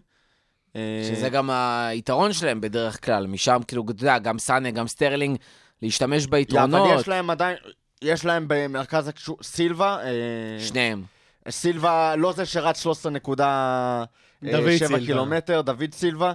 אה, אני חושב שלא היה משחק פושר ביחס ל, למי שהיה סביבו, הוא מאוד נוטרל. הוא גם אה, יצא דקה 65, וגונדואן אה, נכנס כדי זה- לשמור על וזה היה התוצאה. חלק מ- ממרכז הקישור שלנו. ש... נכון, סיטי יש להם כלי מאוד חזק בכנפיים, עם סאנה וסטרלינג, אבל עדיין הכרחנו אותם לשחק רק משם. הם לא הצליחו יותר מדי לשחק דרך האמצע.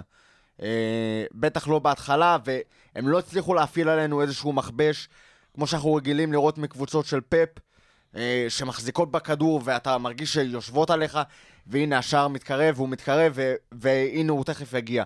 השערים של סיטי היו במשחק שמאוד מזכיר אגב את שלנו קצת. אה, מאוד משחק מעבר, אה, דברים כאלה. כי הם היו חייבים לבוא, ללחוץ, לנטרל, כל מה שאנחנו בדרך כלל קלופ רוצה לעשות, ושמח לעשות, ולא יכל לעשות הפעם, כי סיטי הבינו שזאת כן, וחלק- הדרך לנצח וחלק אותנו. מהסיבה שלא התאפשר לסיטי לשחק את המשחק הרגיל שלהם, ויכול להיות שפפ בכלל לא חשב לעשות את זה, זה השלישייה האינטנסיבית הזאת בקישור. אה, אז כן, לא היה משחק, משחק מושלם של מילנר, אבל אני לא בטוח ש... או לפחות לא מרגיש בכזה נוח להגיד, כן, פביניו היה מעולה אחרי שהוא נכנס, בגלל זה הוא גם היה צריך לפתוח. לפעמים יש שחקנים שהם מעולים כשהם אה, נכנסים בתור חילוף, ואם הם היו פותחים זה לא היה נראה אותו דבר.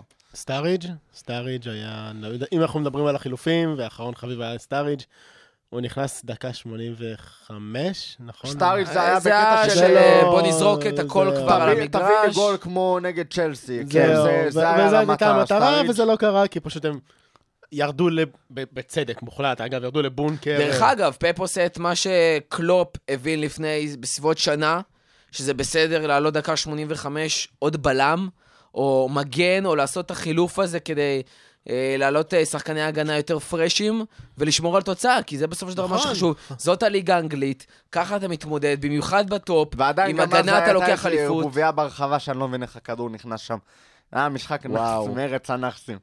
כן, אה, אבל... היה משחק קפ- עם אימא של הכפית. אבל... אה, אה, היו שם דברים שבאמת אתה לא מבין איך, זה כבר כאילו 50 כדורים על, ה, על הקו של השער וכלום, לא, לא נכנס. בואו נעלה קצת את דיון הנח שהיה לי קצת במקס בסוף המשחק. כן. אה, אתה לא תעבור עונה של אה, 38 אה, משחקים ללא הפסד, נכון. בגלל שיש... מה שקרה עם ארסנל היה קוסמי לחלוטין, זה גם... הם היו קבוצה מעולה, אין ספק, אבל יש שם גם עניין של אה, צירופי מקרים ברמת אה, כמעט אה, זכייה בלוטו מבחינתי.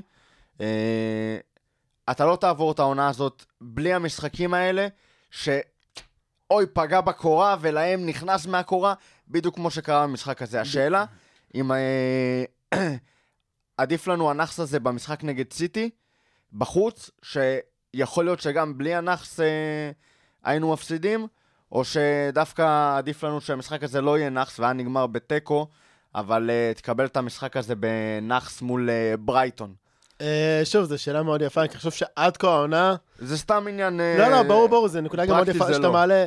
עד כה העונה היה לנו... בואו נדבר תכלס, הגול של אוריגי. הגול הראשון נגד ארסנל. אה, ההחמצת פנדל של מח- מחרז. מחרז, בדיוק. והיו עוד איזה שניים, שלושה מקרים. ש- מזל של אלופה. אבל הנה, היום לא היה לך מזל של אלופה. אה, אבל אה, שוב, אני מדבר בדיוק, זה המנטל... זה- לא, אפילו לא המנטליות, זה המזל הקטן הזה, שפתאום אתה אומר, אוקיי, וואו, זה פתאום כזה מתחיל להיראות כמו... חס וחלילה שאני לא משווה, אבל יונייטד שלפני איזה עשר עונות, שפתאום כזה, הכל מתחבר כזה וכל זה, ופתאום כזה, what the fuck, יש לנו מזל. אז נכון, לא היה לנו מזל, באמת, אני חושב שה... אני מסכם את המשחק הזה, באמת בתור משהו שהיה, וואלה, התוצאה פה הוכרעה נטו, לא נטו, אבל הרוב על מזל, כי אם מאנה, אם הגול שהיה נכנס בהתחלה, בשלוש שניות שם קרו שם דברים מדהימים. היה קורה, היה את הבעיטה של, אה, כאילו, של ה-11 מילימטר, ואחרי ה-11 מילימטר, כאילו, ההרחקה של סטונס עברה בין הרגליים של סאלח, שזה כאילו, זה אבסורד, שכאילו, איך השלושה המקרים האלה לא נכנסו לשער? וזה עניין של זה, וגם אחרי זה, הכדור של המצב נייח שאדרסון לא יצא טוב, ובובי בא לבעוט, וקומפני הציל מהקו, והיה עוד איזה משהו כזה גם, כאילו, שוב, כן, הייתה את הערבוביה ברחבה לקראת הסוף שם, כשכבר היה 2-1 לסיטי. אה, אין ספק שהמזל לא היה פה. אה, אבל שוב, אתה מעדיף שיהיה לך נאחס במשחק הזה, או, ת- או תן- שהגול של אוריגי לא נכנס? תן לי את הנחס במשחק הזה כפרה. טוב, אז אה, אה, עוד שנייה, דבר... אני אה, אגע בנושא קצת אה, שאנשים אוהבים אה, להתעסק בו. כן. מזל של אלופה, או. הדבר הזה. היום, היום לא היה לנו מזל של אלופה, אבל אם אנחנו ניקח את, ה, אה, את האליפות בסוף העונה, כשניקח את האליפות בסוף העונה, אה, אנחנו נגיד מזל של אלופה, נגיד על הגול אה, של- נגד אברטון ו, ועל ההחמצת פנדל של מחרז. בסופו של דבר, לא קיים באמת דבר כזה מזל של אלופה. כשאתה הקבוצה הטובה יותר באופן עקבי, אז יהיו לך הרבה יותר מזל של אלופה נגד אברטון ובעוד המון משחקים, ותמיד יהיו שם משחקים כאן, כמו נגד סיטי, שלא היה מזל של אלופה, אבל אתה יוצר את המזל הזה כשאתה יותר טוב באופן עקבי. ואז, בסוף, כמו שקלופ אומר, זה לא ספרינט, זה מרתון, הסטטיסטיקה מתיישרת. זה שיש לנו ב-21 משחקים, ואחרי שני משחקים מול מנצ'סטר סיטי ושני משחקים מול ארסנל, יש לנו רק הפסד אחד, ויש לנו כמה? שלושה תוצאות תיקו? אז אה, המצב שלוש של... ה- תוצאות תיקו, כן. איך? כן. שלוש. אז uh, המצב שלנו מדהים. ו... וכרגע, אם אנחנו גם מסתכלים על זה, יש לנו רק שני משחקי חוץ קשים, שאחד מהם uh, מול uh, אברטון, והשני מול, מול יונייטד. יונייטד, בוא, בוא אני אעבור זריז על... מול אה, הסקאם. שאנשים יבינו מה, מה צופן בפנינו כן. העונה, כי אנחנו, כמו שדיברנו קודם, סוג של... אה, נכנסים, כאילו, יש, זה לא ישורת האחרונה, אבל... אה, נשארו עוד 17 מחזורים, נכון? אה, כן, יש עוד לא 17 מעט, אבל. צריך לזכור שאנחנו נכנסים, אבל אני זה שנייה כאילו לפני. פאזה אחרת. נכון, ורותם, תבדוק בינתיים את המשחקים, תכף אנחנו נגיד וניתן לכם פרופורציות, אבל חשוב להבין, עברנו 21 משחקים, עברנו את, נכון, לא טועה, 21 משחקים, אה, עברנו את דצמבר, ועכשיו יש שני דברים שקורים. אחד, זה כביכול המשחקים הקשים שנשארו לנו בליגה, והצ'מפיונס ליג. ופגרת נבחרות שצריכה להגיע אלינו בסביבות מרץ, ו... וינואר בדרך כלל זה חודש קשה. ינואר, פברואר, פלוס מינוס, די יקבעו את התמונה, ומשהו שאם תשימו לב, משחק שלדעתי, ואני, אין לי בעיה, בואו נגיע לסיום העונה ונגיד, 13 באפריל, יש לנו משחק מול צ'לסי, בבית. אחריו, ארבעה המשחקים האחרונים של העונה. כש... אה, אם אנחנו מסיימים את המשחק הזה, מקום ראשון, 4-5 נקודות במנצ'סטר סיטי, שזה המצב שלנו עכשיו, לנו יש משחקים קלים חוץ מוולפס, משחק אחרון, ולסיטי יש גם את לסטר וגם את טוטנאם. כשקריסטל פאלה זה המשחק באותו מחזור שיש לנו את צ'לסי. כנראה, לדעתי, אם אנחנו נצליח להיות בפער של 4-5 נקודות, זה יהיה אולי הדבר הכי מכריע, ושם, גם אם יש עוד משחקים והעונה לא מוכרעת סטטיסטית, זה באמת יהיה מה שחשוב. ובגלל זה זאת היש... אנחנו נכנסים עכשיו באמת לישורת הזאת, ל-10-15 משחקים סופר קריטיים, ש... שבאמת יכריעו מה, מה הולך לקרות בליגה הזאת. ו... ורותם, בוא תן לנו באמת את המשחקים, שאנשים קצת יקבלו פרופורציות של מה הולך לקרות. תראה, בואו קודם אה, נגיד למה קצת זה פאזה אחרת. אה, את האליפות אוהבים להגיד שלוקחים נגד הקטנות. אה, ואנחנו באמת נכנסים, לאחרי, אחרי שעברנו את הסיבוב השני, כבר שתיים מהגדולות, אנחנו נכנסים באמת לחלק הזה שמלא במשחקים שאנחנו אמורים לנצח, אה, וחייבים לנצח, אה, אבל צריך לעשות את העבודה. זה קצת אה, שונה מהתקופה האחרונה שהייתה לנו, שהיה לנו משחקים נגד ארסנל, סיטי, יונייטד, אה, המשחק נגד נפולי, אברטון. הייתה לנו תקופה מאוד מקובצת של משחקים בעלי פרופיל מאוד גבוה, ועכשיו אנחנו נכנסים לתקופה ארוכה אה, של משחקים עם פרופיל נמוך, שכולם מצפים לך לנצח ואתה חייב לעשות את זה. זה פאזה קצת שונה ממה שהיה לנו עד עכשיו. אז משחקי החוץ שנשארו לנו. אה, ברייטון בחוץ, וסטאם בחוץ, יונייטד בחוץ, אברטון בחוץ, פולאם, סאוטהמפטון, קרדיף וניוקאסל. למעט אה, יונייטד, הקבוצה במיקום הכי גבוה שאנחנו נתמודד מולה בחוץ, נכון למצב הנוכחי של הטבלה, זה וסטאם במקום העשירי ואברטון במקום ה-11, שאברטון, אה, אנחנו סימנו שני משחקי חוץ בעלי פרופיל גבוה, זה הדרבי ויונייטד, שתי קבוצות יקיזו דם על מנת שלא נוציא משם נקודה ו... ועל מנת שגם לא ניקח. אליפות, כן? הרי מה זה אברטון? אברטון תפסיד 6-2 לטוטנאם בבית, אבל מולנו פתאום אה, ישחקו את ה... אחד ישחקו אחד שלב. מוות, 50 פצועים. כן, משהו תמיד כזה. אה, אבל את קבוצות הטופ האחרות, טוטנאם וצ'לסי, אה, אנחנו פוגשים בבית. את ארסנל כבר עברנו ואת סיטי כבר עברנו, ואנחנו עדיין ארבע נקודות מהמקום השני. אה, אז שוב, לוח משחקים מאוד נחמד. גם משחקים בעלי פרופיל גבוה בצפיפות אה, זה, זה רק כרגע אה, עם הצ'מפיונס, זה, אנחנו מארחים את ביירן וביום שלישי, ואז ביום אה, ראשון אנחנו אה, יוצאים ליונייטד בחוץ. כל השאר, אה, טוטנאם וצ'לסי עם אה, סאוטהמפטון באמצע. אה, ארבעה משחקים אחרונים של העונה שיכולים להיות מאוד קריטיים. אה, גם כן, אה, קרדיף, האדרספילד וניוקאסל, אה, למרות שאתה אף פעם לא תרצה להגיע למשחק אה, מכריע מול אה, מועמדת לירידה, אבל, אה, ואני חושב שהעברתי את הפואנטה, הלוח משחקים שלנו אה, יחסית סימפטי למה שהיינו רגילים לקבל לקראת סוף העונה. אוקיי, אני רוצה לתת עוד נקודה, שמאז שקלופ הגיע, שם לב שתמיד ה... ישורת התקופה הזאת של דצמבר וינואר, אנחנו מעלים הילוך. פתאום כזה נראים הרבה יותר טוב.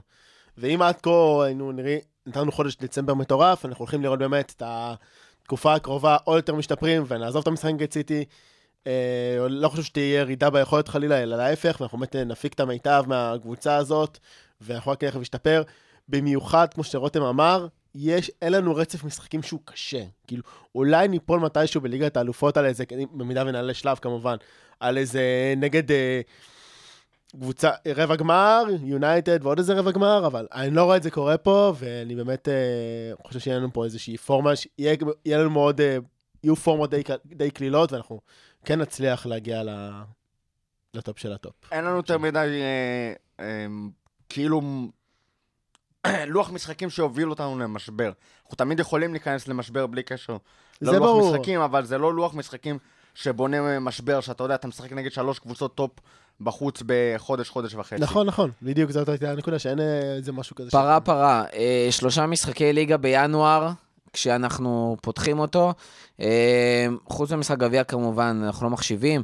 ברייטון בחוץ, פאלאס בבית, לסטר בבית, 30 לינואר. שלושה משחקים, כמה נקודות אנחנו מוציאים, סער? תשע. תשע נקודות, רותם, חייבים להוציא תשע נקודות, אין אופציה אחרת. אין לנו ברירה. אה, טוב, יאללה, אנחנו ממש כבר אה, לקראת סיום. רותם, יש לנו אנקדוטה קטנה?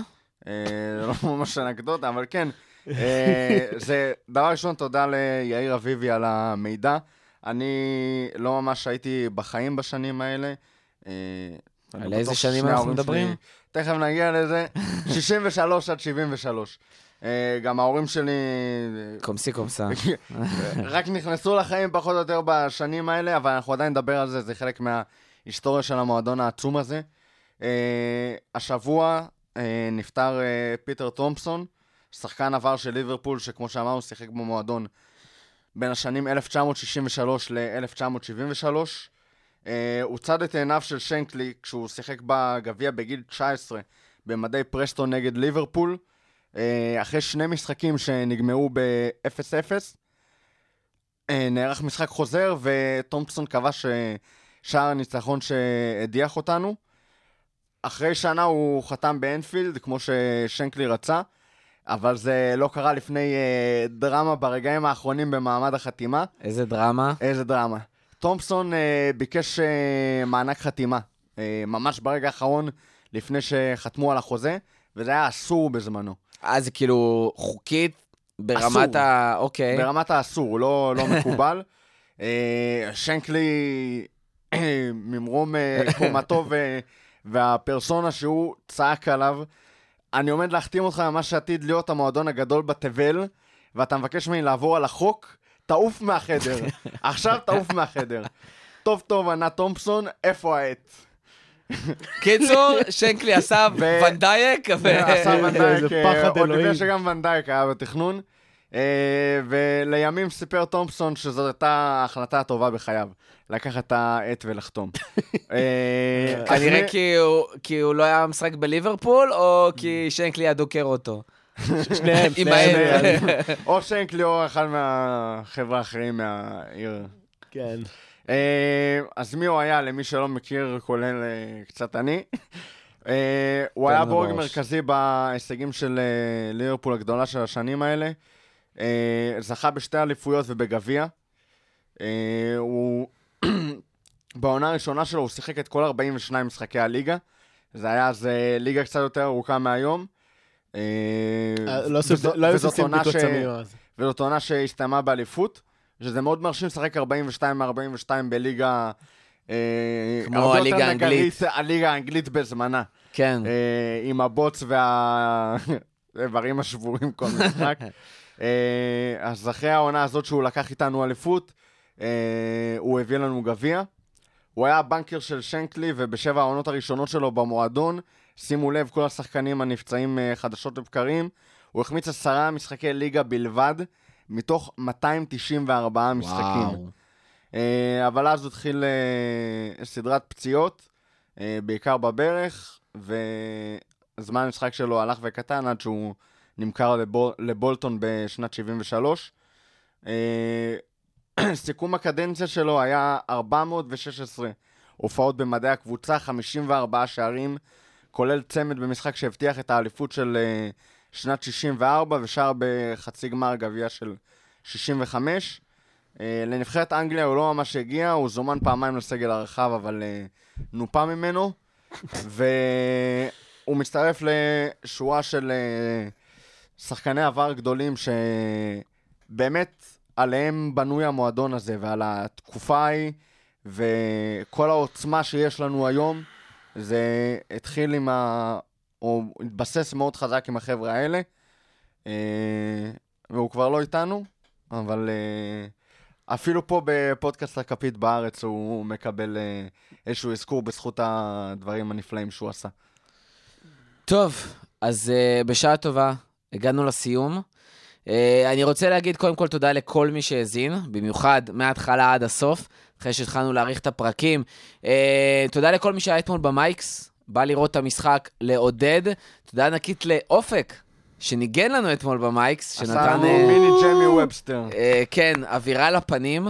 אה, תודה לכל מי שצפה בלייב שלנו אתמול. היה באמת כיף לראות אנשים שרוצים לראות, לשמוע, להיות חלק מהאווירה. גם הגיבו לנו, עשו לנו לייקים. תודה לתחקירנים שלנו שעוזרים לנו כל פרק מחדש. תודה לסער ולרותם שהיו איתי כאן שוב. אה, אנחנו מפצירים בכם, תכתבו לנו. תודה לך, אריאל. תעירו לנו, תשאלו, דברו איתנו, אנחנו רוצים לשמוע דברים טובים ודברים רעים, כדי שכל פרק ופרק יהיה יותר טוב ויותר טוב ויותר טוב. אה, אנחנו נהיה כאן גם שבוע הבא, אה, לא שבוע הבא, סליחה, אחרי המשחק מול ברייטון, לפרק נוסף, לפרק 9. או לפניו, נראה מה מה יוליד יום. אני, אני- כן. אנחנו נדאג לעדכן- לעדכן אתכם, שלא תפספסו. ואם אה, אם אתם רוצים לוודא שאתם לא מפספסים, אז יש subscribe קטן כזה באיזה אפליקציה שלא תהיה, אה, ואתם יכולים אה, לקבל. עדכון ברגע שאנחנו מעלים פרק. לגמרי. אה, שנייה לפני הסיום, אני כן. אתפוס אותך בלשון, כי אני רוצה שנצא עם איזושהי הצהרה מה- מהפרק הזה. כן, עכשיו כשזה ארבע הפרש, עכשיו. עכשיו כשזה ארבע הפרש, אחרי המשחק מול סיטי. תענו לשניכם, זריז ולעניין. אנחנו המועמדים הבכירים עדיין לאליפות? כן, חד משמעית. מסכים לחלוטין. זה למה טוב. אני אוהב אתכם. אה, ופרק 8 מוקדש לסטיבן. אה, וואלה, כן. אז קודם כל, סליחה שלא נתנו יותר, אבל אה, נכתוב על זה בפוסט שאנחנו נעלה. אה, סטיבן ג'רארד, מספר 8, פרק 8, אנחנו מסיימים. תודה רבה לכם, אנחנו שוב אומרים, דברו איתנו, תגיבו, אנחנו רוצים לשמוע מה יש לכם להגיד. נהיה בפרק נוסף, פרק 9, תעשו subscribe, תעשו לייק, תעקבו אחרינו כל האפליקציות. אנחנו יודעים שאפל קצת דפוק, אבל אני לא יכול להאשים, זה מה יש. אמ, תודה רבה לכולם, ולפטר. We're gonna win the league, we're gonna win the league, and now you're gonna believe us, and now you're gonna believe us, and now you're gonna believe us. We gonna win the league. We conquered all the road. Whenever